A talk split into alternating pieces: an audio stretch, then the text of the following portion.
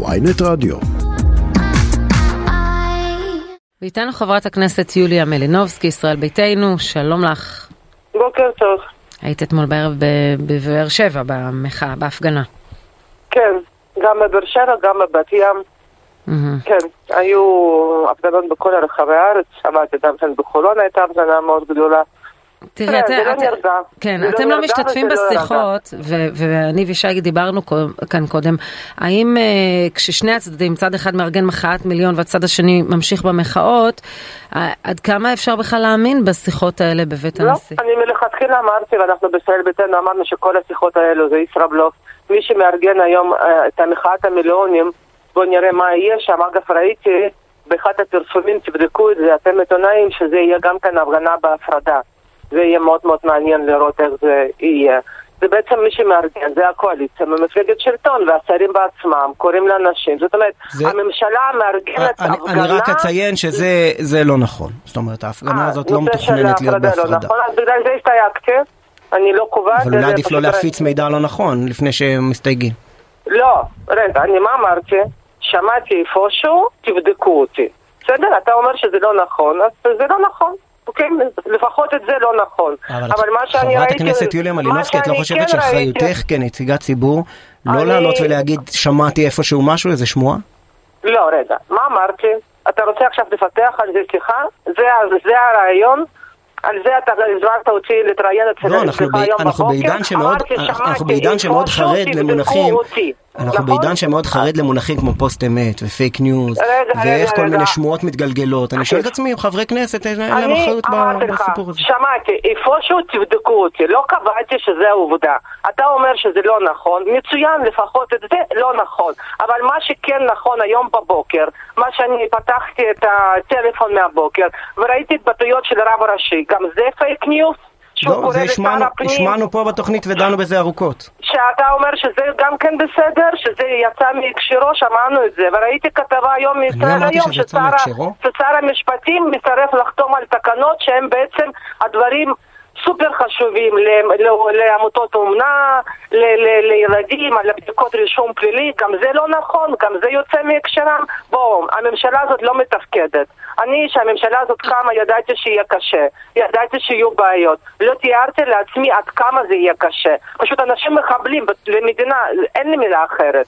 ולגבי הידברות, מלכתחילה היה ברור שזה ישראבלוף. אם שר המשפטים מארגן לעצמו הפגנה וקורא לאנשים להגיע ובזה הוא מתעסק, ולא בדברים אחרים, זה לא ירד מהפרק. כל ההידברות הזה, היה ישראבלוף אחד גדול, נועד כדי להרדים את השטח. עובדה שאזרחי ישראל לא נרדמו, אני לא מארגנת הפגנות, לעומת המפלגות הקואליציה. כשמזמינים אותי, אני באה לשם לנום. אבל אני לא מארגנת, אני לא מביאה פעילים, אני לא עושה שום דבר. לעומת זאת, ליכוד וקואליציה מארגנת הסעות במאות כדי להביא את. לארגן את ההפגנה הזאת. זה נשמע לך סביר? אה, חברת הכנסת מלינובסקי, אני אה, סקרן לגבי אה, עמדתך בעניין יום הזיכרון ושאלת הגעת נציגים, נציגי ממשלה לבתי העלמין הצבאיים. ראיתי שהרבה, מאה חברי כנסת, אם אינני טועה, חתמו על מכתב שקורא לא לנאום שום מסרים פוליטיים בבתי העלמין הצבאיים. את בין החותמים? לא, אני חושבת שאנחנו צריכים פה לא לעשות מה שאנחנו חושבים, אלה מה שהמשפחות השכולות.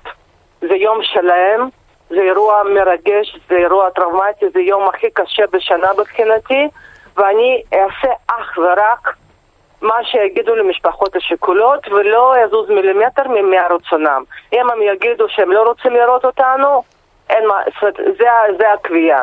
אז אני בכלל לא אוהבת את כל ההתעסקות הזו, מי, שהשרים יבואו ומי ינאם, איך ונאם, ואני כבר רואה פרובוקציות, ואני כבר מאוד חוששת, ואני בכלל מרגישה שאתה יודע, הימים האלו, יום הזיכרון, יום העצמאות, אה, בדרך כלל יום הזיכרון זה יום מאוד מאוד עצוב, אחר כך בא יום העצמאות, אנחנו מאוד שמחים, ובמיוחד עכשיו, שנה 75, אני בדיכאון טוטאלי.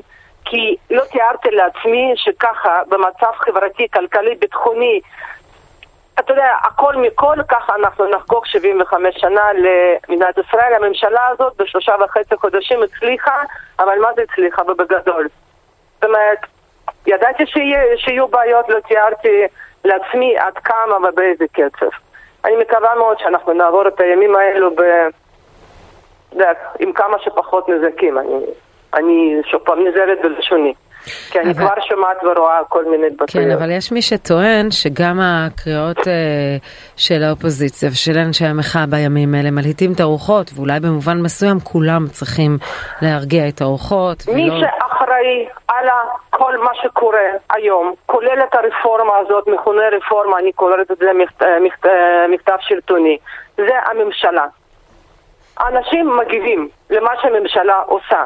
אילו הממשלה הייתה מורידה את זה מסדר יום באופן טוטאלי, גלובלי, סופי וחד משמעי, הכל זה היה נגמר.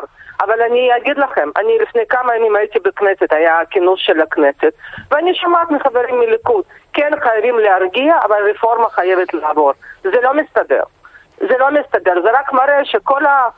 מה שאנחנו רואים עכשיו זה מסך עשן ולא הייתה שום כוונה מלכתחילה להוריד את זה מסדר יום, אלא להרדים את השטח. אבל היום אין אזרח ישראלי שלא מבין מה קורה. אפשר להתווכח, אפשר לא להסכים, אבל מבינים, אנשים מבינים, ופשוט הממשלה טועה בזה. ומי שאחראי, מי שמנווט, מי. שם דברים על סדר יום, זה ממשלת ישראל. האחריות קודם כל על השרים ועל ראש הממשלה. והם מנסים כרגיל להפיל את זה על מישהו אחר. חברת הכנסת מלינובסקי, לא אה, אה, אני סקרן לדעת, האם את מוצאת הבדלים בין חוק הגיוס שאתם העברתם בממשלה הקודמת לבין חוק הגיוס הנוכחי? ברור. זה ברור. מה הם? אני חושבת שאם...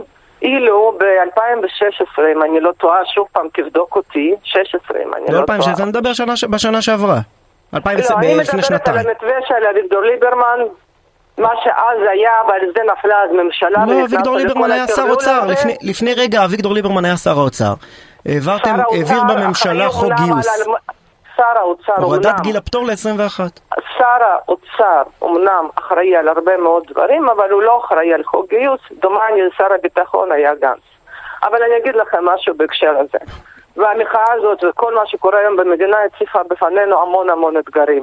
ושמה לנו מה שנקרא תמונה לפרצוף בצורה הכי ברורה. אנחנו לא נוכל להמשיך בסיפור הזה שחלק משרתים, חלק בורחים, חלק מקבלים כסף, פטורים וכל העניינים. לא, אבל, אבל, אבל סליחה, ליברמן סליחה. וישראל ביתנו דחפו את חוק הגיוס. אני, אני מצטט לך את, את שר האוצר שלנו עד לפני כמה חודשים. דווקא, חוק הגיוס והורדת גיל הפטור ל-21, אנחנו נראה תוצאות בתמ"ג שלנו. מצוין, אבל היום אנחנו אומרים בצורה הכי פשוטה, חייב להיות שוויון בנטל, גם בנטל ביטחוני, גם בנטל כלכלי. מי שלא מסוגל לשרת בצה"ל, כולל ערבים, אה, חרדים, דרוזים, צ'רקסים, כולם חייבים לצאת לשירות אזרחי. יש לנו מלא מקומות בבתי חולים ובבתי אבות כן. שחסר שם כוח אדם. הגיע הזמן, מזמן אבל, אבל היום, אתה יודע, לפעמים יש לנו מכונן בחיי אומה כן. וגם חיי האזרחים. זה המאני טיים, אנחנו חייבים לצאת מהסיפור הזה של אזרחי סוג א' וסוג ב', אנחנו יכולים לכונן חוקה, אנחנו יכולים שוויון בנטל, ואנחנו צריכים להמריא מה, מהמשבר הזה, הדרך היחידה בעיניי זה למעלה, למדינה מתקדמת ויותר נורמלית. חברת הכנסת מלינובסקי. כן, לכיוונים של חברת הכנסת יוליה מלינובסקי, ישראל ביתנו, תודה רבה.